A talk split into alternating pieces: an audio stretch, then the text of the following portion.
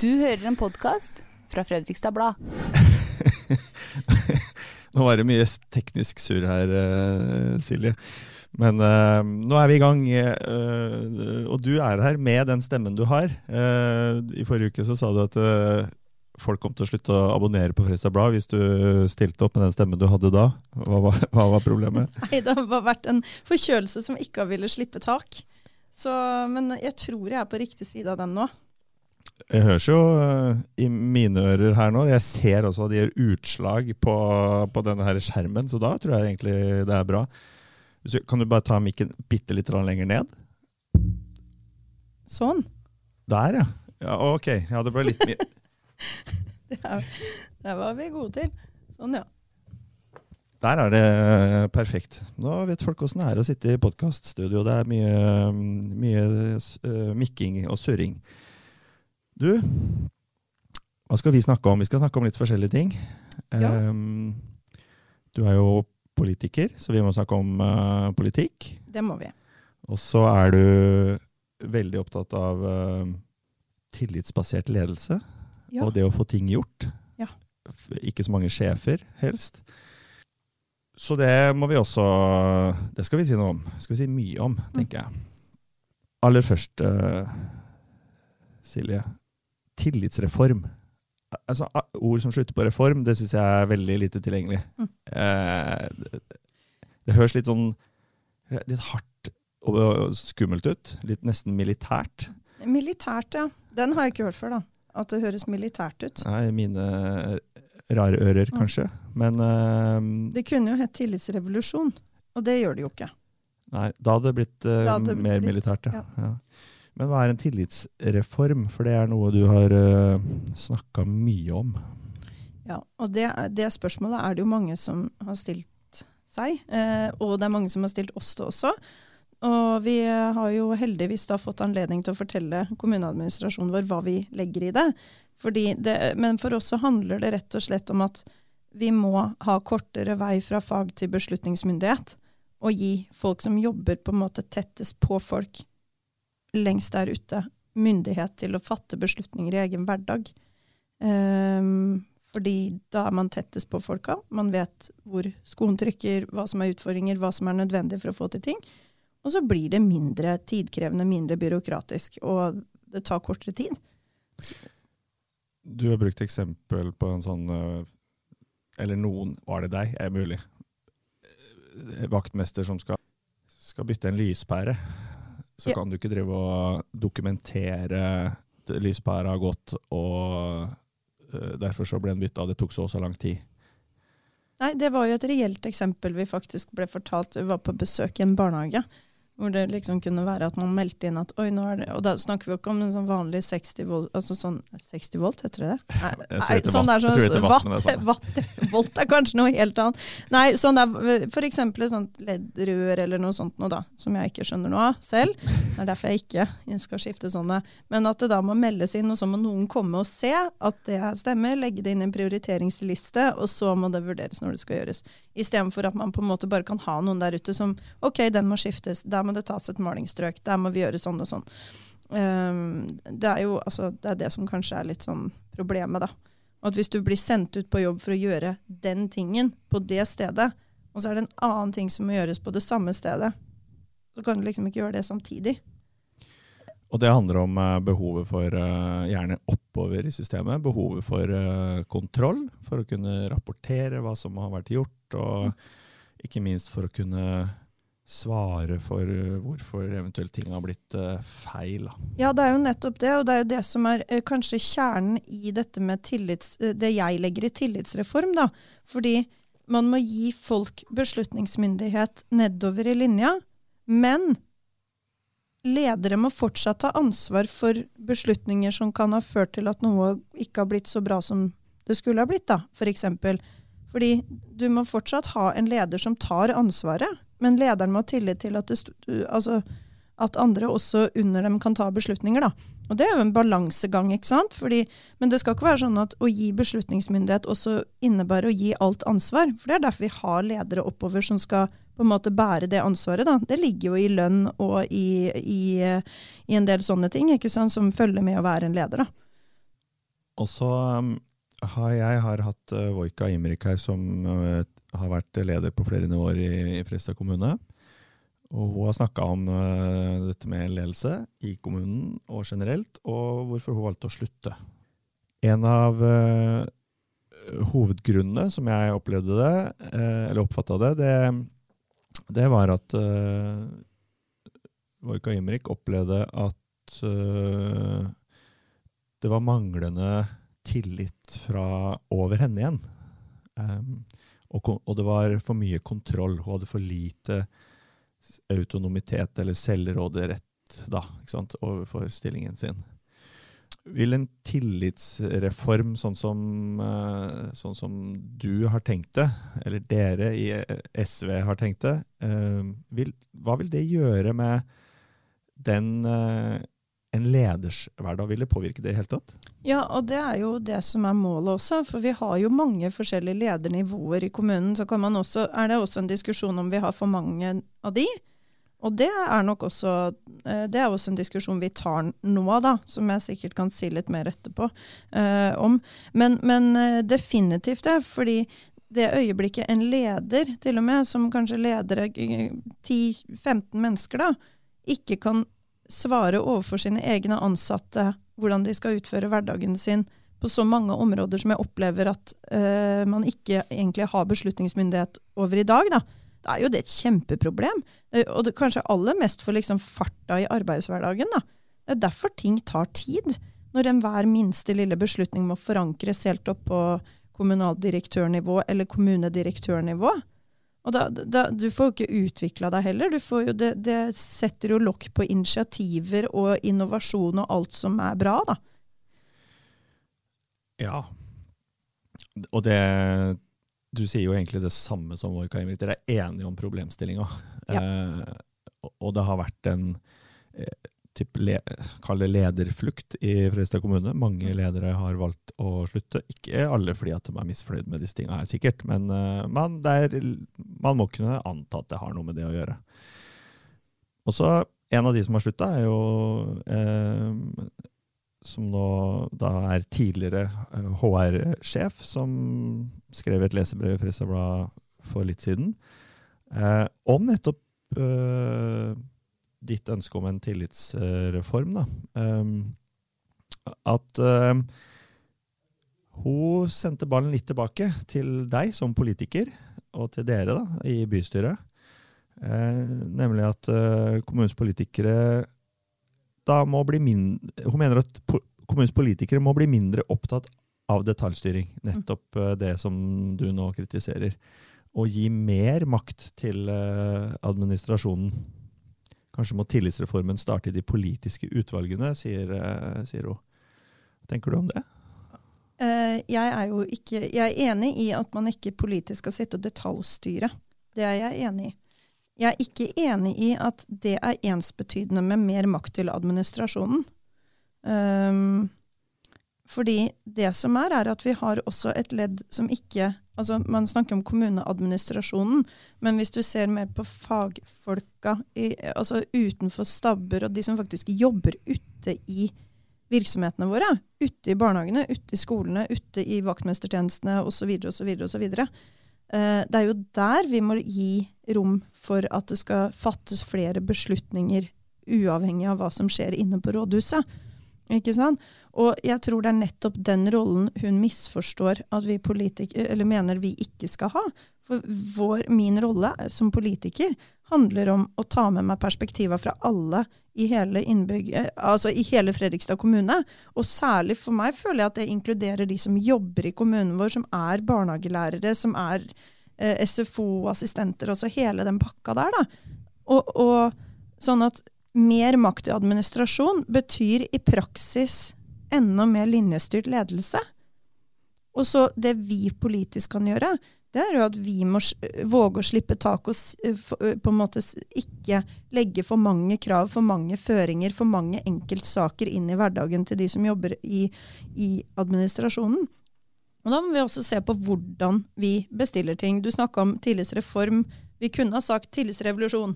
Og så alle skal ha tillit, og alle frislipp av ledelse i, fra og med 2023, 1.1. Sånn kan vi ikke holde på. For det her må bygges opp nedenfra. ikke sant? Og det, og det samme gjelder f.eks. da vi hadde vedtak nå Det var jo en av de store sakene jeg var kjempeglad for å få leksebevisste skoler i Fredrikstad.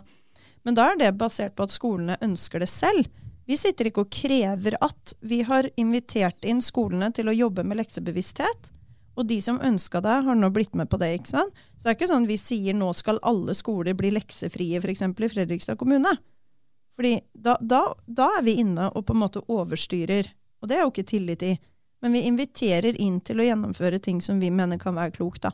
Og de som vil være med på det, er med på det. Det er litt sånn, så jeg, jeg tror hun, hun bommer på den måten i form av at hun ser på administrasjonen som hele kommunen, da, hvis du skjønner. Altså, mens det er faktisk Der kom stemmen. Det er faktisk en utfordring med å uh, bryte opp den lange, lange linjeledelsen fra ute i tjenestene våre og opp til toppledelsen i kommunen. Det er den vi ønsker å kna, for å si det sånn. Ja, og så Et annet begrep som blir uh, brukt når vi snakker om de, disse tingene, er jo det med tillitsbasert ledelse. Og det, Nå snakker vi jo egentlig om Dette går i hverandre. Ja. Og tillitsbasert ledelse handler jo om at du som du som eh, leder både får tillit fra de som er over deg, og at du gir tillit til de som er under deg i, i organisasjonen. Og dermed så vil den vaktmesteren som er ute på og, og bytter den lyspæra, kunne se at oi, her, her, lekker, her lekker det i vasken. Jeg tar det med det samme. Mm. Uten å, å vite at det, det, har jeg, det har jeg tillit til at jeg kan fikse. Uten å, noe, no, noe mer dikkedarer, ikke sant? Mm. Um, og så, så leste jeg Jeg leste faktisk en, eh, en master, eh, masteroppgave. Jeg, eh, min ekskone spurte om jeg kunne rette skrivefeil i masteroppgaven hennes. Så sa jeg ja, uten å tenke på hvor lang en masteroppgave er. Og den handler om krysspress eh, i, eh, for kommunale mellomledere. Så det var jo passa jo veldig bra når jeg skulle snakke med deg. Men, men da oppdaga jeg også at det, dette vi snakker om nå, som et problem i Fredrikstad kommune, altså det har, det har vært uh, definert som utfordringer og problemer i, i, i både offentlig og privat, men spesielt offentlig virksomhet da, i Norge i en årrekke. Mm. Um, og, og det står eh, i den siste lederundersøkelsen som ble gjennomført annethvert år, eller noe sånt, så, så står det Eller i den første jeg leste, som var mange år gammel, så står det at eh, ledere som har god støtte fra sine ledere, har opplevelse av frihet og autonomi og opplever mindre jobbstress. Mm. Du, altså på det personlige plan, da, som leder, så får du det også bedre på jobben. Du, det, er helt, det er jo ganske selvsagt, men uh, men det òg er jo eh, Hvordan er det med Når du har skrevet om disse tinga, da eh, For du har tatt opp eh, dette som sagt i, i, i lesebrev og vært en ganske frittalende politiker på det området. Mm. Du sa i stad at du Sorry, nå bryter jeg fra spørsmålsrekka, men jeg skal komme tilbake til det. Men du Mm. sa i stad, fortalte meg før vi begynte å ta på, at du, du, har, du har aldri hørt på podkast. 33 år gammel. Jeg sa at du er den eneste 33-åringen i Norge som aldri har hørt på podkast. Det betyr jo at, eh, at da har ikke du heller hørt på en episode av Heia Fredrikstad, eh, hvor jeg blir intervjua.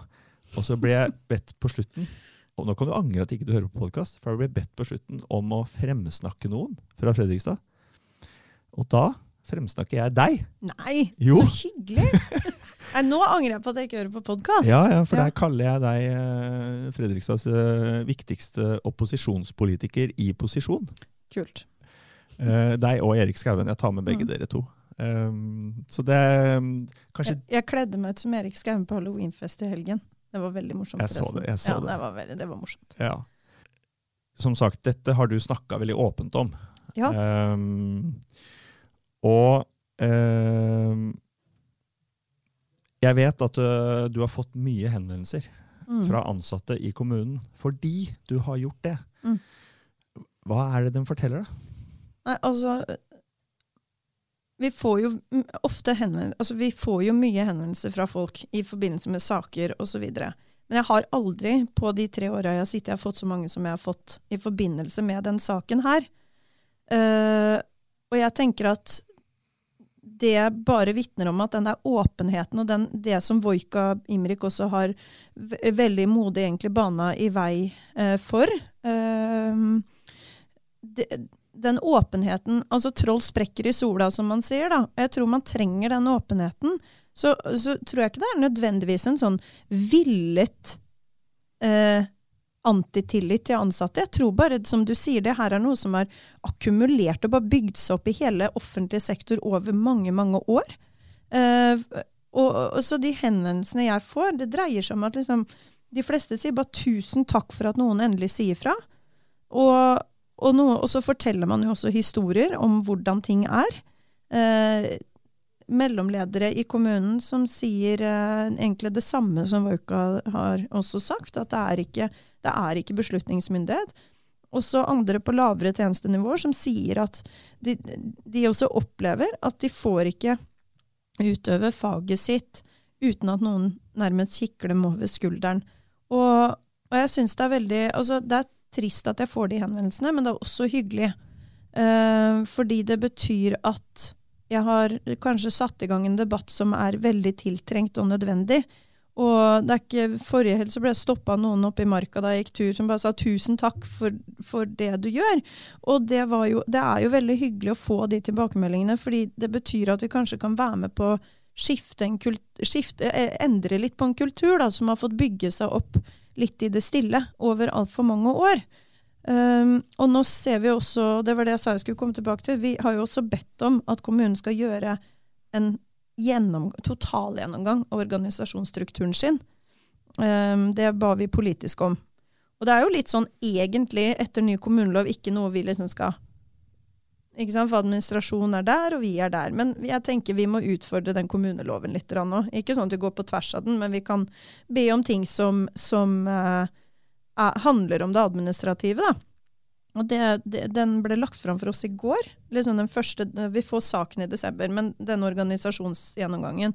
Det viser jo at vi har en utrolig tungrodd eh, organisasjon. Og at det er flere ting vi gjør i Fredrikstad kommune som er veldig silobasert, veldig sektorbasert, som gjør det vanskelig og langdrygt og tungt å samarbeide. Så nå kommer jo de endringene her. Og når vi i tillegg får det med den tillitsreformen vi har bestilt, som kommer samtidig, så tror jeg vi nå er i en kjempeunik mulighet til å bedre arbeidsplassene for veldig mange i Fredrikstad kommune. Og det er politisk. For liksom, hun HR-sjefen sa at det skulle vi holde oss unna sånn. Det er takket være politisk press at det har skjedd. Og hvis det stemmer at det er takket være politisk eh, press, um er ikke det da et ganske alvorlig tegn? Fordi at uh, du som politiker skal ikke behøve å bruke tid på uh, hvordan kommunen rent administrativt uh, styres. Det er en kommunedirektør som har ansvaret for det. Hvorfor tror du, hvorfor har ikke kommunedirektøren tatt tak i dette her på eget initiativ? Altså, Akkurat det tror jeg du må spørre kommunedirektøren om. Jeg har invitert henne hit til podkasten og ikke svart meg. Så. Nei, men hun kommer, vet du. Nei da, men, men um, for å forsvare vår kommunedirektør litt, hun har jo ekstremt mye å gjøre. Og mye av det er takket være også, for vi ber henne om å gjøre veldig mange ting. Um, men, men, at, uh, men, jeg tenker at det her er noe som har fått bygges opp over veldig mange år.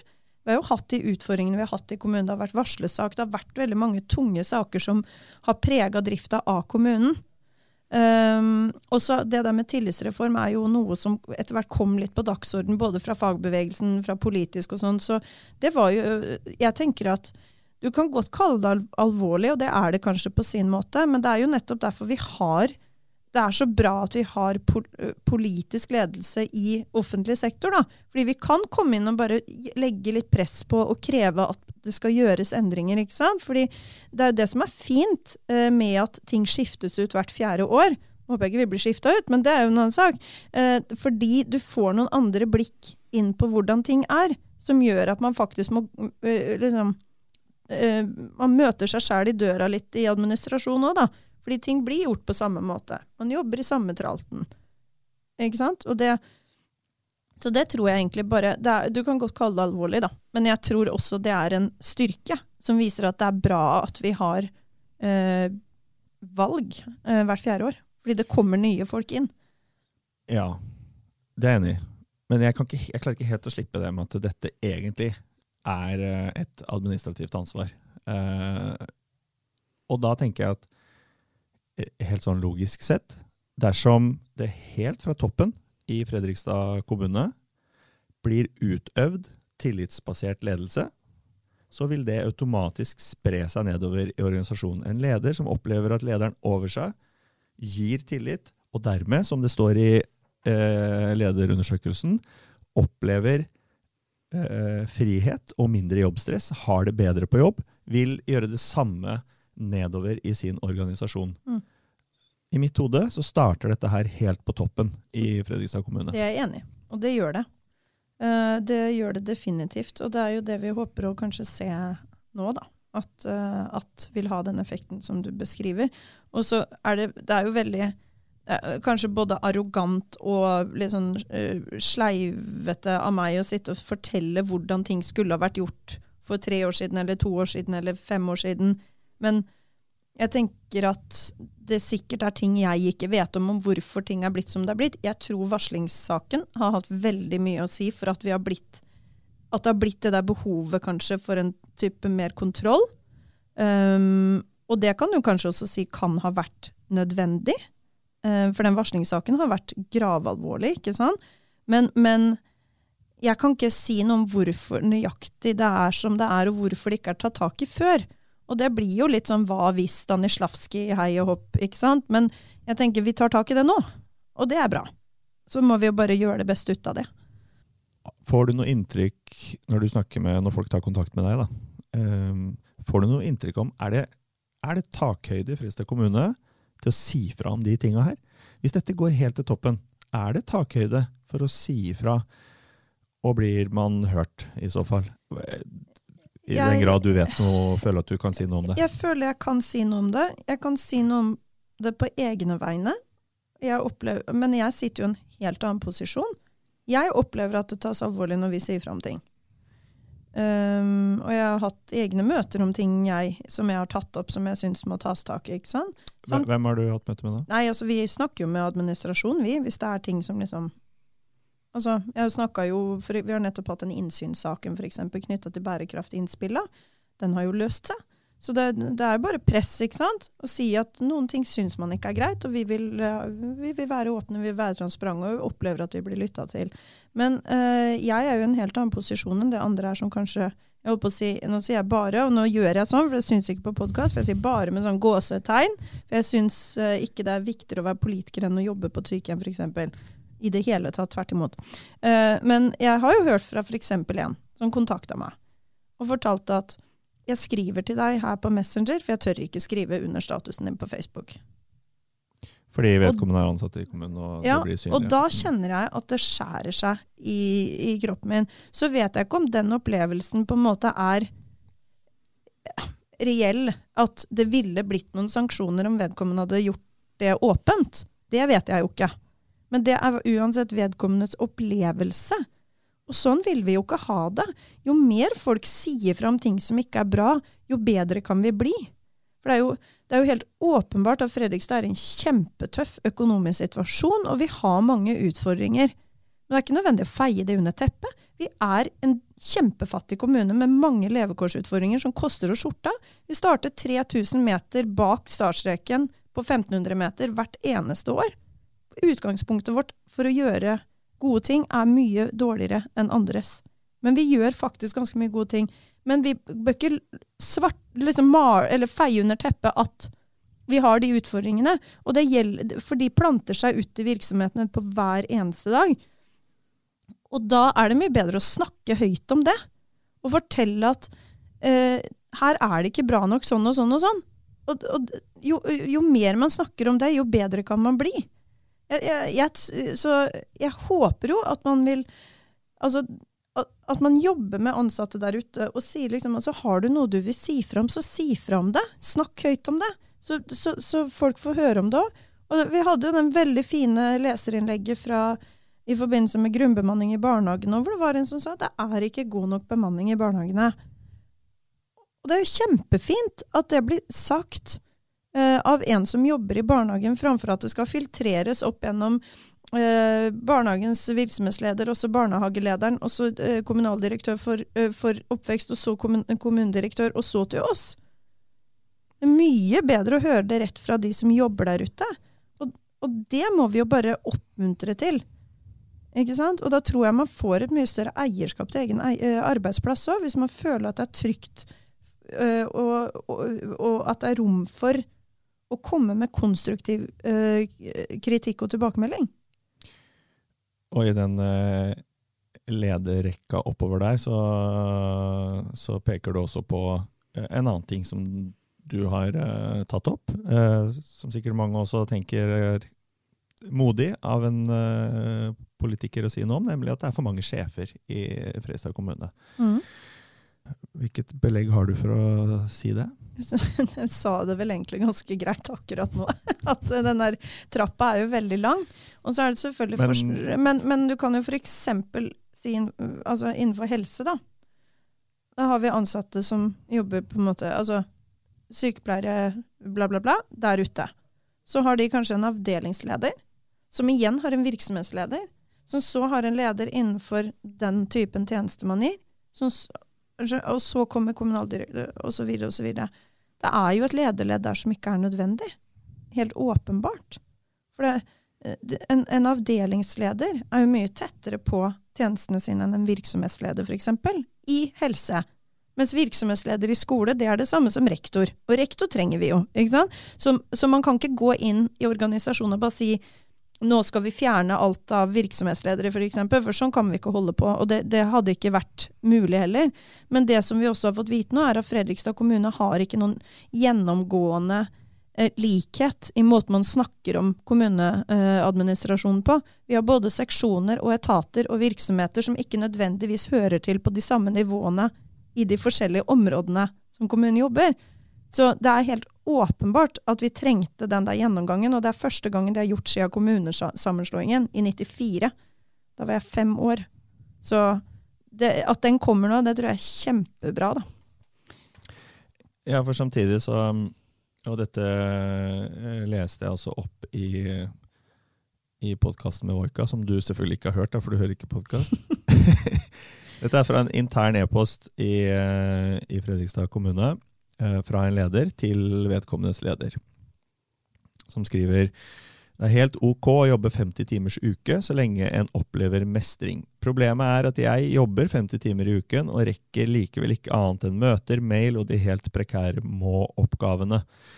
Det jeg har behov for, er tid til personaloppfølging av egne ansatte, oppfølging av virksomhetens satsingsområder, og sette mål og skape resultater sammen. Det er altså en leder mm. i kommunen som sier jeg har ikke tid til folka mine. Mm. Når jeg leste det for Voika, så sa hun åh, det kunne vært fra meg. Ja, mm. ikke sant. Det, um, Hva tenker du? Nei, jeg synes jo, altså Den mailen der er vel kanskje egentlig bare det som er kjerneproblemet, da.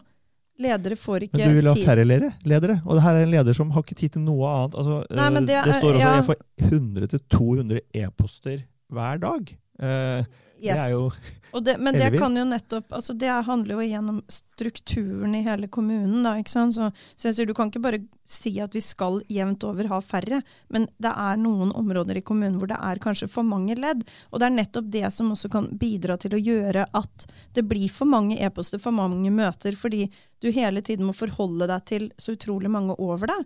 Ikke sant? Som, men, at, men også tror jeg også det der handler om at man må snu det igjen. da. Den tillitsbaserte ledelsen som må gå nedover.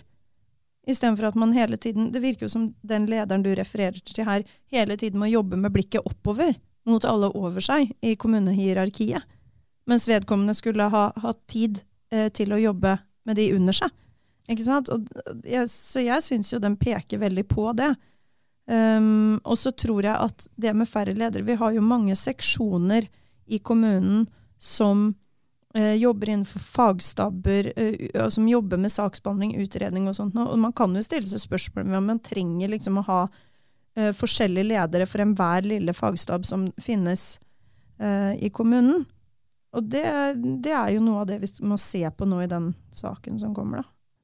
Dette ligger jo også til øverste leder i kommunen. Øverste administrative leder. Altså Uten sammenligning for øvrig, men for mange år siden, når jeg første gang ble sjefredaktør i Fredstad Blad, så var det litt mange ledere.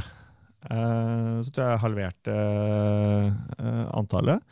Sånn at vi blei i prinsippet to-tre. Um, og det har gått helt fint. Mm. Men det ville jo aldri skjedd hvis ikke jeg hadde tatt initiativet til det. Det er jo ingen leder i en organisasjon som tar initiativet til å fjerne sin egen rolle. Så der også starter jo dette helt på toppen. Um, Men det er der så- du må kanskje huske at bystyret i det tilfellet her, da, hvis du skal overføre det til Fredrikstad Blad, fungerer som en type styre. Ikke sant? At vi sier nå må det gjøres noe med strukturen i kommunen. Ja, Styret i Fredrikstad vil jo aldri blande seg inn i det. Nei, men Nei. det gjorde vi. det gjorde vi. Nei, for det, jeg tror du kan godt si Det er helt riktig at det ansvaret ligger til kommunedirektør, men vi har ansvar for noe mer. Eh, Og det har jo for så vidt hun òg, men vi har jo ansvaret for at våre skattepenger forvaltes på best mulig måte. Ikke sant? Og når man da kan sitte og foreslå nå uh, at man skal kutte i lærerårsverk f.eks., samtidig som vi har en ø, et byråkrati som er større enn veldig mange sammenlignbare kommuner, så er det jo eh, helt betimelig at vi kommer inn og sier det her vil vi endre på. Vi, så, så at og man også må kanskje framover bli modigere for å se vi må omdisponere ansatte, bruke de til andre ting enn det man kanskje har gjort hittil.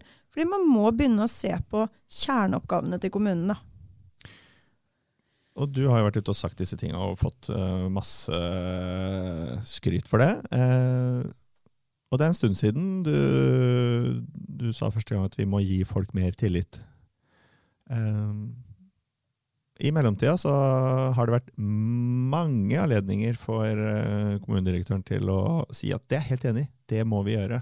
Vi skal gi folk tillit til å utøve oppgavene sine selvstendig. Det har ikke skjedd. Hva tenker du om det?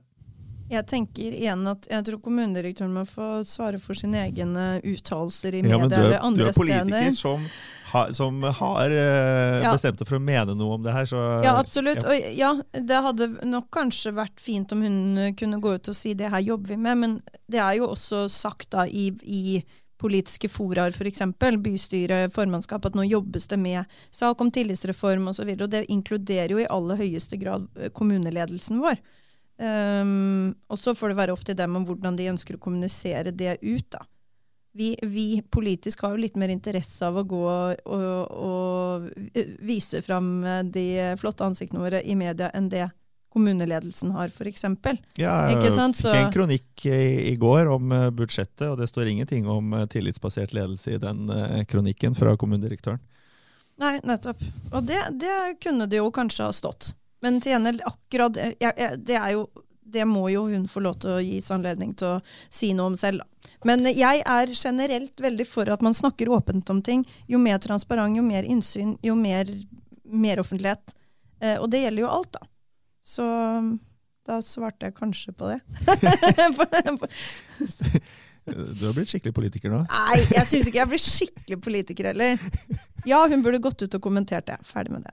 Var det, nå, det, var, det var mer tydelig, var det Det ikke var det? veldig bra. Ja, det var veldig bra. Silje. Nå var du eh, litt eh, tilbake til eh, Ja, din ta det. Du, du har ikke alltid vært politiker.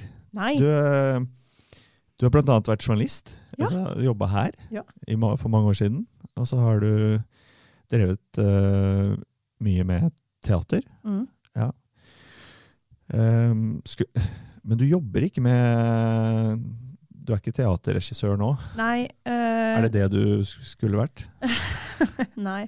Jeg vet ikke. Det som er så gøy med å være utdanna innenfor noe med kultur, det er at du har jo egentlig ingen profesjon sånn skikkelig. da. Du kan gjøre veldig mange rare ting.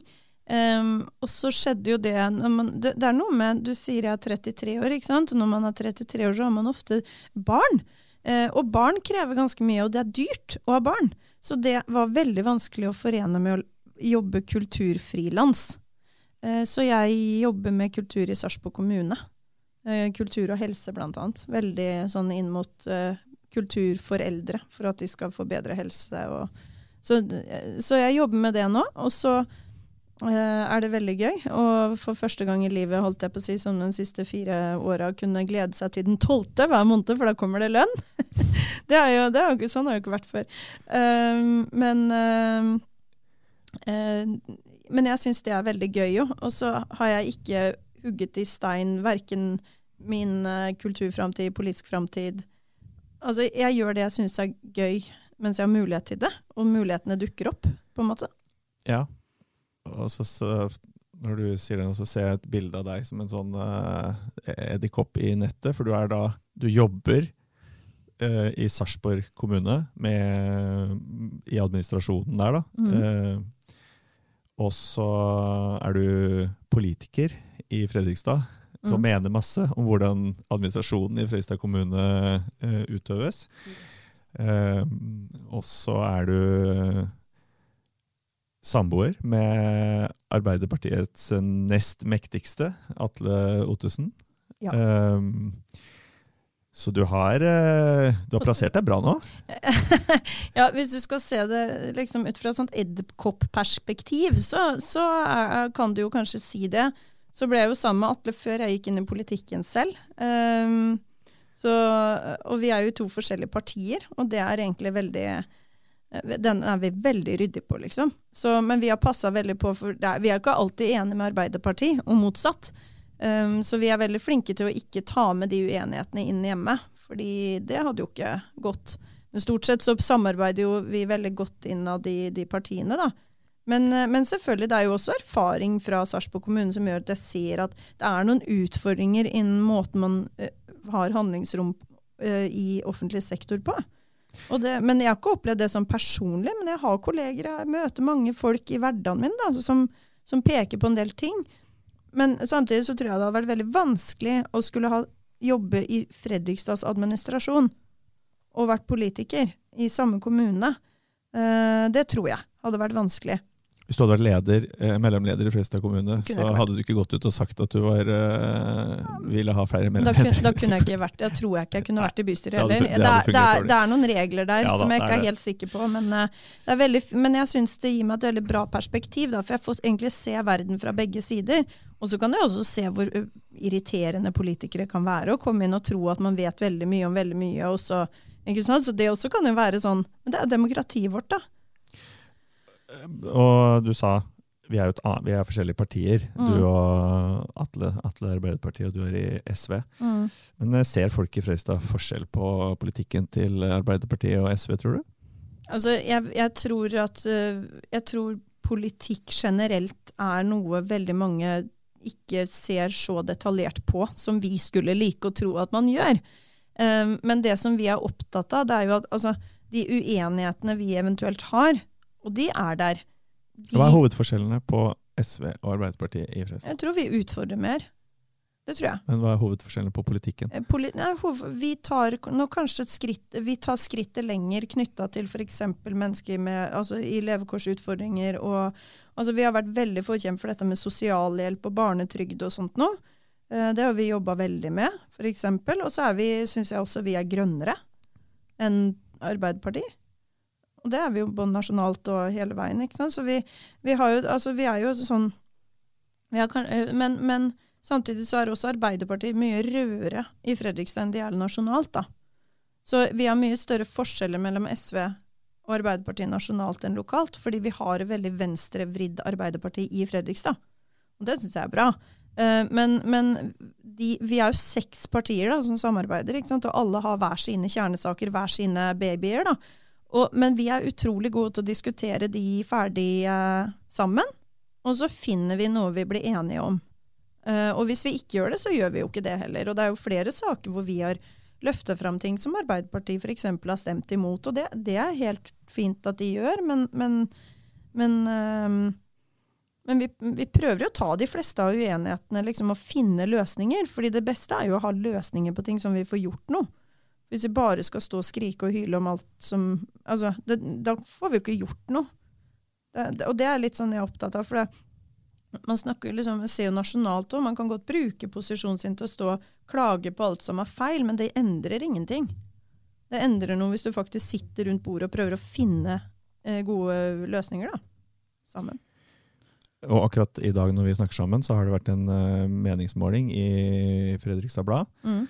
Som eh, jeg så annet at dere i SV har lagd en sånn eh, et, et sosiale medier-bilde Ja. med prosenten stor. Ja. Det står ingen kilde til hvor dere får det Nei, tallet fra. og det, vet du hvorfor det? Det er Nei. fordi jeg eh, lagde den veldig fort på vei inn i en konferanse før jeg skulle hit på, på, på podkast. Så når du sier noe, så skal jeg gå inn og så skal jeg skrive, eh, redigere den posten, og så skal jeg skrive meningsmålen i Fredrikstad Blad, også hvem som har ringt den. Det, det gjør ingenting for meg. eh, men Jo, jeg eh, det, hørte, det, det, gjorde deg lite grann, jeg hørte den nå, altså. Lite grann. det gjør at det blir, eh, blir gjennomsiktig. Vet Ja. du, du er opptatt av gjennomsiktighet. Ja, men jeg er helt enig, men det er rett og slett et sånn stress-ting fra min side. For Arbeiderpartiet ja. lagde også et bilde, og de, de Mye hadde flinkere, kilden. Ja. Men- Nei, men jeg hadde dårlig tid. Jeg gjorde det på et par minutter mens jeg var på vei inn fra bilen til konferanse klokka åtte.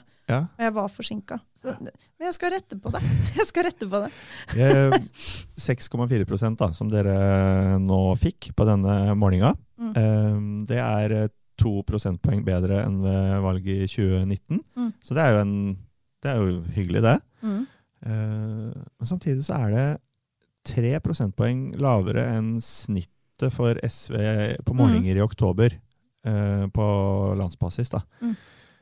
Hvorfor eh, gjør SV det så mye dårligere lokalt i Fredrikstad enn på landsbasis? Det gjelder egentlig hele Østfold. Det. Eh, Vi ligger konsekvent noen prosentpoeng bak nasjonale målinger. Det gjør vi. Eh, Jeg tror det eh, skyldes at vi har en veldig Arbeiderpartisterk kommune.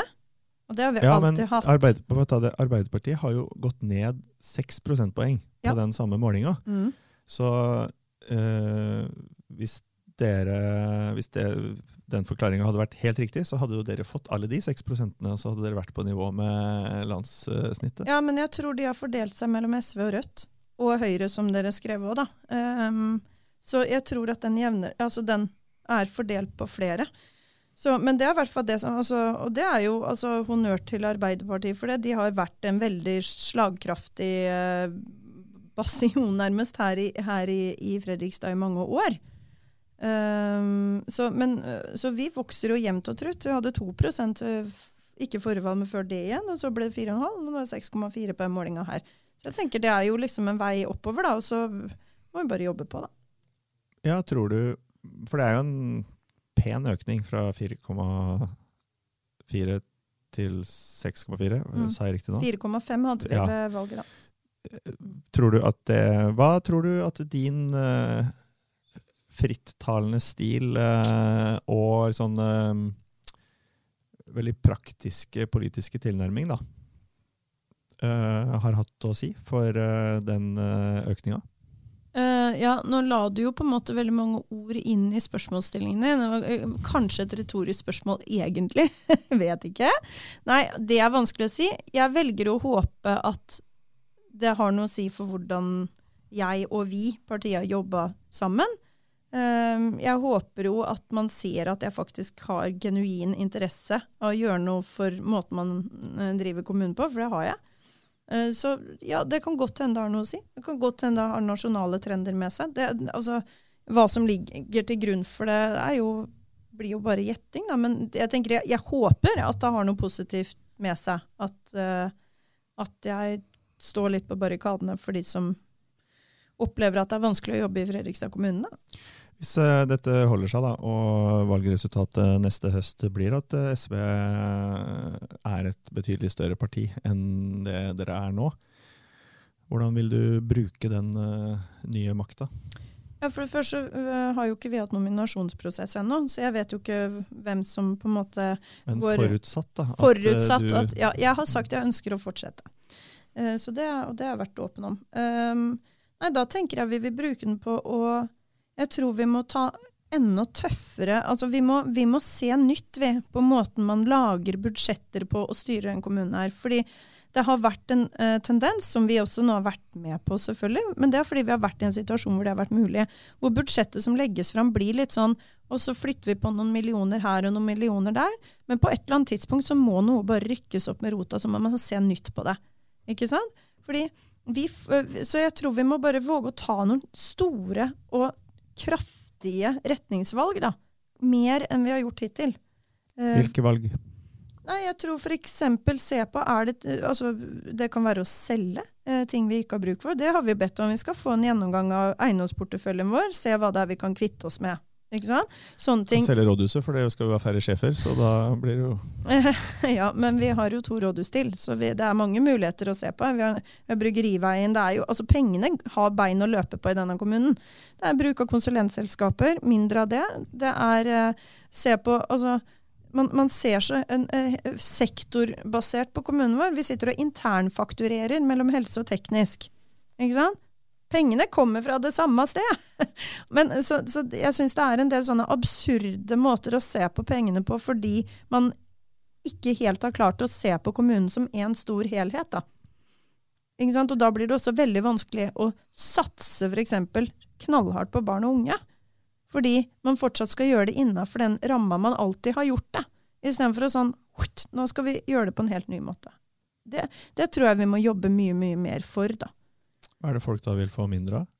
Ja, Det er jo det vi må se på, men, men jeg Hva er du villig til å ofre da, for å å, det, det sier jeg ikke midt i en budsjettforhandlingsprosess, eh, René. Det, det, det men, eh, jeg, men jeg er veldig villig til å se på altså, for, altså, Og det er jo en selvkritikk, da. Vi må be om mindre ting. Altså fra administrasjonen vår.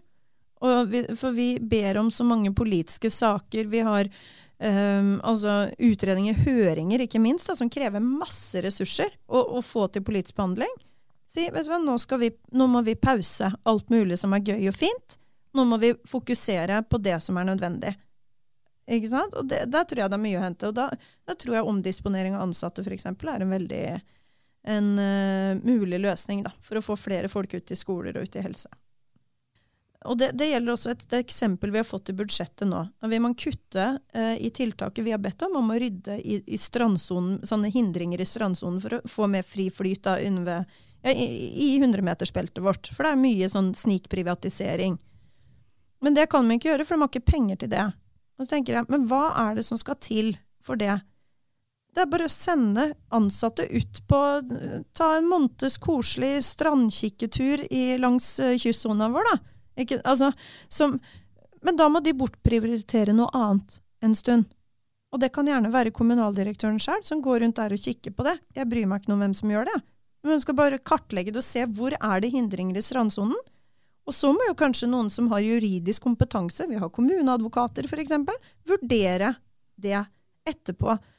Men de mener at man da må hyre inn. ikke sant? Man kan få hjelp av frivilligheten. Folk som selv bruker øh, kyststiene våre og sånt, nå kan være med på å spille inn det her. Det er så utrolig mange løsninger som ikke nødvendigvis betyr at noen må prosjektansettes for ting. Men det har vært en sånn Det er en litt sånn der letthet, da. I å liksom uh, ringe Deloitte eller andre folk som Og, og det samme den derre markedsvurderinga uh, av uh, FBK sin uh, pris for uh, halvleie og bruk av Kongstenhallen. Det er også et konsulentfirma som har funnet ut av det. Der stilte også SV spørsmål i kultur- og miljøutvalget uh, om hva er det som, på en måte, hvorfor har man gjort det, og hva kosta det. Ja, det hadde visst kosta en 30 000, så det var ikke så mye, men det blir mye. Det får bein å gå på. Det er 30 000 kroner du kunne gitt et uh, et fotballag da, for å ha tiltak for sårbare barn og unge. Liksom. Det er masse penger for frivilligheten som man da på en måte så lett legger ut til konsulentfirmaer som skal sitte og mene ting som ansatte selv kunne ha funnet ut av. Men da må de bortprioritere noen andre oppgaver i en periode. Du, eh, nå har vi snart prata en time, og jeg tenker på stemmen din. Du, du, har klart deg bra, altså. Jeg har ikke vondt i stemmen, faktisk. Du har ikke vondt i stemmen. Nei, jeg ble så... engasjert, så da bare, da bare går det. jeg spurte deg på forhånd hva, hva, vi skulle prate om. Noe var jo litt gitt, da. Mm. Men så sa du hverdagsaktiviteter. Ja. ja. Hva er det for noe?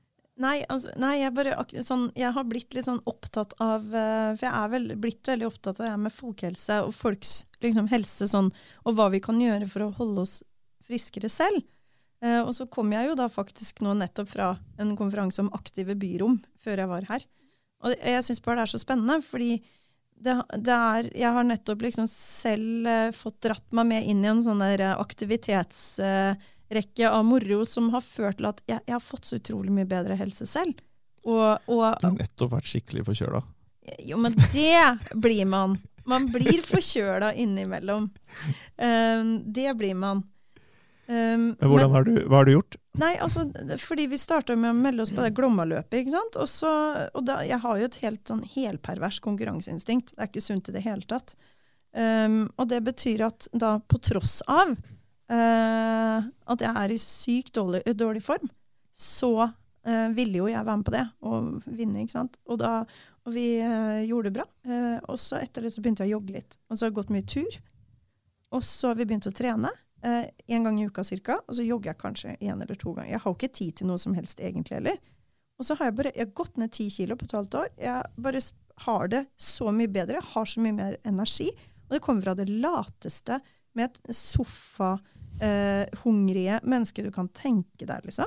Jeg, altså, jeg, jeg, men jeg ble sendt på dør i, da vi satt i koronaisolasjon av samboeren min, Atle. For det, det, det- begynte å implodere litt oppi huet mitt i februar, da vi satt fanga, alle sammen. Og så sa Silje, gå deg en tur, du. Nei, jeg vil ikke. Silje, gå deg en tur, du. Gå deg en lang tur, du. og så gjorde jeg det, og så kom jeg tilbake, og så var jeg bare sånn, nesten sånn, man dukka huet i kaldt vann. Følte meg bare som et helt annet menneske. Og så har det bare, det har gjort en sånn utrolig stor endring på hele, hele formen min, energien min og alt mulig. Så jeg syns det er en litt sånn gladhistorie, for jeg hadde det dårligste utgangspunktet du kan tenke deg. Jeg var så lat. Jeg hata fysisk aktivitet. Og så bare bitte lite grann, bitte lite grann endring. Og så har du sånne kjemperesultater. Og det tenker jeg liksom, det er, så, det er så gøy å jobbe med også politisk, da. Hvordan vi kan legge til rette for at flere sånne latsaber som meg skal faktisk eh, gjøre noe. Og det er gøy. Nå snakker du om sant, fys, en del fysikk i det. Ja.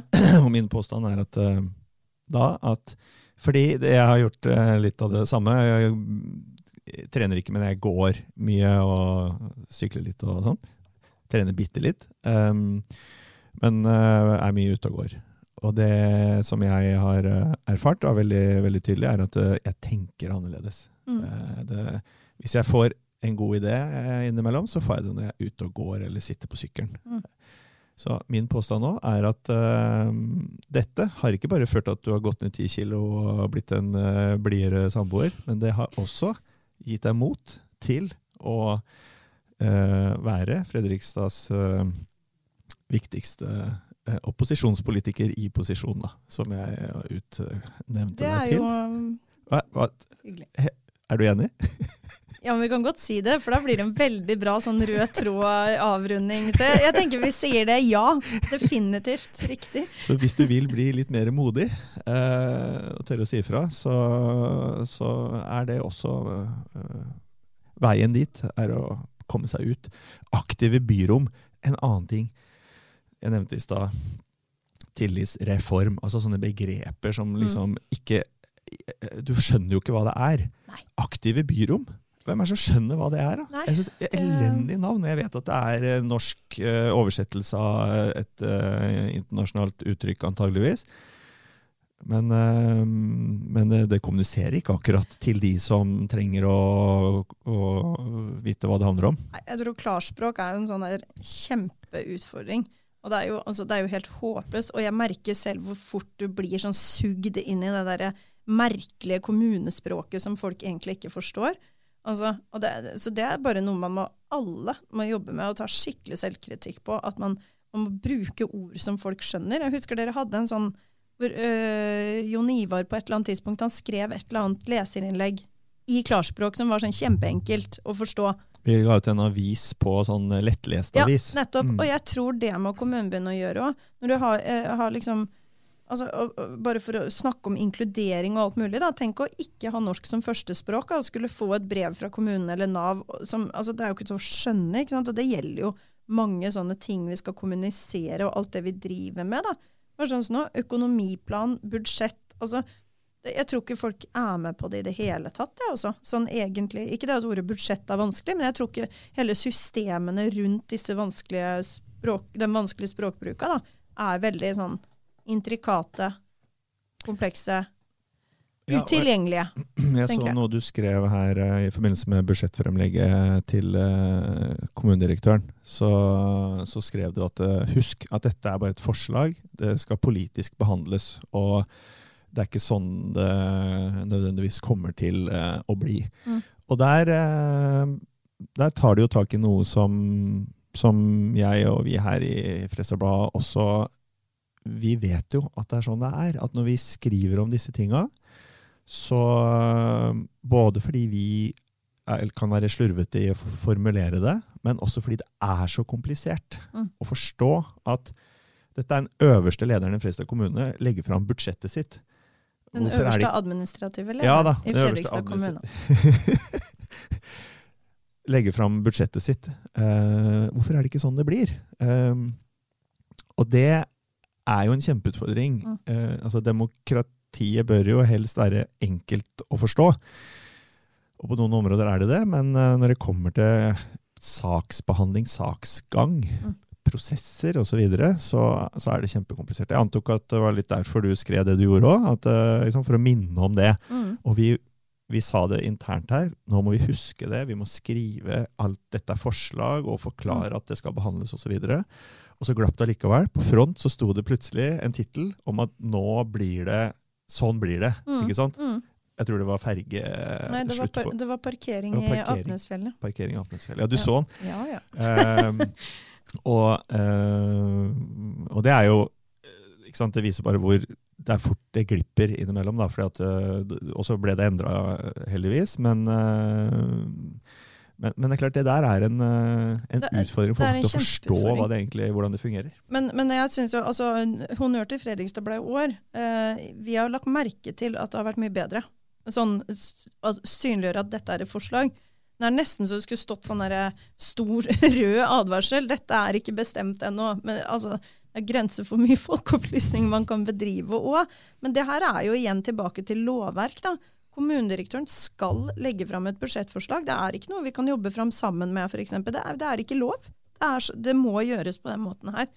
Og det, og det er eh, Men at eh, Jeg tror nok du skulle Altså, jeg ønska meg nesten kunne, tips til Fredrikstad Kan lage en sånn featureartikkel. Hvordan styres egentlig kommunen? Hva er egentlig kommunen Altså, hvordan funker det i praksis? Vet f.eks. folk at man har en Altså, det, det er ikke mange år, altså mange år før jeg, eh, mens jeg var liksom ung, da. eh, ja. eh, Du er fortsatt ung. ja, jeg vet du ville si det. For du er jo 50, René. Jeg er, 50, så, jeg er snart 52, Snart faktisk. fem- Å ja, å, ikke sant. Unnskyld. Nei da. eh, men hvor jeg liksom tenkte sånn det var et, Jeg òg syntes det var vanskelig for en, noen år siden å skille mellom hva som er administrasjon og hvem som er politikere. Hvilke partier representerer han? Å nei, han var, han var sjef i kommunen for et eller annet, han. Å ja, ok. For det, det er ikke lett å forstå. Og det er ikke noe grunn til at det skal være lett å forstå heller, for du skal være passe nerd for å gidde å følge med på bystyremøter og, og, og sånne ting, da. Eh, Så, så også, da kan jo, du kan jo også ta det selvfølgelig tilbake til hvor, er skolen i dette? Skulle det vært mer jobba med sånt noe sko, i, i utdanning og skole, videregående skole f.eks.? Altså, men men det, jeg tror bare det er blitt så stort og komplisert. For det er jo ikke Du kan jo si før i tida, da. Før i tida, altså, men da vi f.eks. hadde Borge kommune, da. Kunne liksom ringe ordføreren. du 'Kan ikke du flytte byggesaken min litt fram i køen?' Jo, jo, ordner seg, liksom. Og det er jo litt tilbake til kanskje også det hvorfor vi er der vi er med all den derre ekstrembyråkratiet som er kommet. da. Fordi det, det skal ikke gjøres feil. ikke sant? Alt skal være så etterrettelig. Så vi kan ikke bare vedta noe som vi syns er en god idé, fordi det må utredes. Og det er også lovbestemt at det skal være forsvarlig saksutredning. ikke sant? Så det, vi har jo på en måte kanskje helgardert oss i huet og ræva, da, for å si det sånn. Unnskyld, du får sensurere borti ræva. Jeg vet ikke hvor grensa går der. Nei da, eh, men at vi kanskje har helgardert oss eh, så veldig, fordi det skal ikke gjøres noen feil med skattepengene våre. Ikke sant? Og det gjør igjen, da. Det er dritkomplisert, det tar lang tid, det er uoversiktlig og vanskelig å forstå. Det er konsekvensen. Kanskje. Ja, og der også tenker jeg at vi eh, i mediene har en, eh, eh, spiller en rolle. Fordi at eh, vi har sett mange eksempler på det, hvor store, veldig kritikkverdige saker rulles opp, og så innføres det noen nye eh, regler, lover Ja, ikke lover kanskje, men i hvert fall eh, regler, ordninger, kontrollmekanismer for å sørge for at det eh, ikke skjer igjen. da. Så vi skal også være liksom, eh, bevisst på det. Når det kommer til det med forenkling, så er det en litt sånn, en sånn trend nå i mediene. Jeg vet ikke om du har lagt merke til det. VG har gått foran der og, og er blitt veldig gode på å forklare eh, vanskelige ord, eller ord og uttrykk som man skjønner at ikke alle forstår. Uh, når, uh, når Russland annekterte disse fire fylkene i Ukraina, så sto de i, veldig ofte i VG sine saker om det, en liten forklaringstekst. Hva er, betyr annektering? Ja, ikke sant? Ja. Fordi at uh, når vi bruker ord som det ikke er opplagt at eh, alle forstår, så, så ekskluderer vi jo de som Mm. da ikke forstår. Det er ikke alle som gidder å google og finne ut av liksom, eh, hva, hva betyr dette ordet. Men Det tror jeg er lurt. Så, så vi, vi prøver. Vi har også en ambisjon, og vi har, har noen hederlige eksempler på at vi, vi gjør, gjør det der. Mm. Og vi har også snakka om at f.eks. I, i saker om rettsprosesser, da, burde det egentlig i hver, i hver sak ligge en liksom enkel forklaring på at dette er de forskjellige leddene i rettsprosessen. Forstå forskjellen på anmeldelse, siktelse, tiltale. ikke sant? For det, det er jo ikke så mange som har full eh, koll på det. Nei, og det, det tror jeg er kjempelurt da, at man gjør. fordi da får du kanskje det folkeopplysningsperspektivet litt sånn inn i, inn i det som skrives om også. Og det, det er jo noe med altså, Og så er det jo noe med også noen ganger å kanskje ta denne ekstra tiden det tar å altså, eh, Selv om ting kanskje virker vanskelig politisk, at man faktisk legger denne inn og sier ok, vi skal forklare det, åssen det er. ikke sant? Og, og da husker jeg snakka med en journalist hos Støringa som spurte meg, hadde tatt en ringerunde da, eh, til mange. Og så eh, spurte meg kan du bare forklare litt hva som egentlig Fordi vedkommende jobba ikke så mye med de tinga der. Så spurte kan ikke du bare forklare meg litt åssen det her egentlig dreier seg om. Det syns jeg er kjempebra. fordi da blir jo saken som skrives bedre, og det er ikke farlig å stille spørsmål. Ikke sant? Det er ikke alt man skjønner. Jeg stiller masse spørsmål. Det er kjempekomplekst. Er Som du sier, det er 8000-9000 mennesker som jobber i Fredrikstad kommune. Vi har, vi har et budsjett på 8 milliarder kroner. Selvfølgelig er det komplekst. Altså, Og så tror jeg mange føler at det å stille spørsmål når du er i en viss posisjon, da Ehm, Jeg har tenkt mye på det. Jeg har vært eh, syv måneder nå i, i Ameda, konsernet som eier Fredrikstad Blad. Der jeg sitter i, i konsernledelsen eh, og hørt folk diskutere ting som jeg innimellom ikke har skjønt noen ting av. For det er uttrykk som blir brukt, f.eks., som eh, som, eh, som jeg ikke har forstått. Da. Eh, og da, i førsten, så, så spurte jeg ikke hva det egentlig betyr, fordi jeg syntes det var litt pinlig. For jeg burde forstått det, kanskje. Men så bestemte jeg meg på et tidspunkt for at det skulle jeg jammen gjøre. Og det var fordi det var en av de andre som satt der, som konsekvent gjorde det. Og han hadde kjempeerfaring. Mm. Hver gang han ikke forsto noe, så sa han 'hva betyr det'? Hva, hva mener du der? Og det er eh, en fantastisk eh, egenskap, og det viser jo ikke at eh, så det, er, det er jo ikke, ikke noe grunn til å liksom ikke eh, gjøre det. Hva er det som har gitt deg mot til å tørre å stille de spørsmåla? gå turer, var det ikke det vi sa?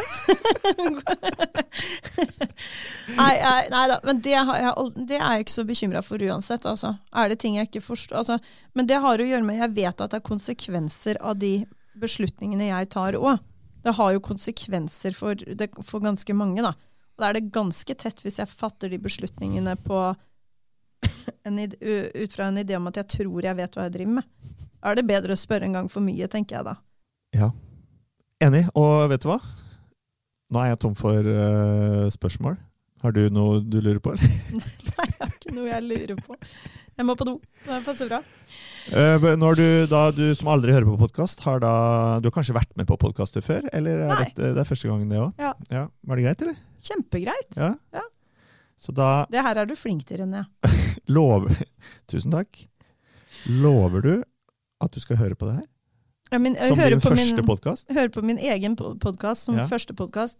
Ja, jeg, jeg må jo kanskje gjøre det. Eh, det føles litt sånn litt sånn narsissistisk at den aller første podkasten jeg skal høre på, skal være min egen, så jeg tror jeg skal høre på en annen først. Tusen takk for besøket, Silje Waters. Takk for at jeg fikk komme.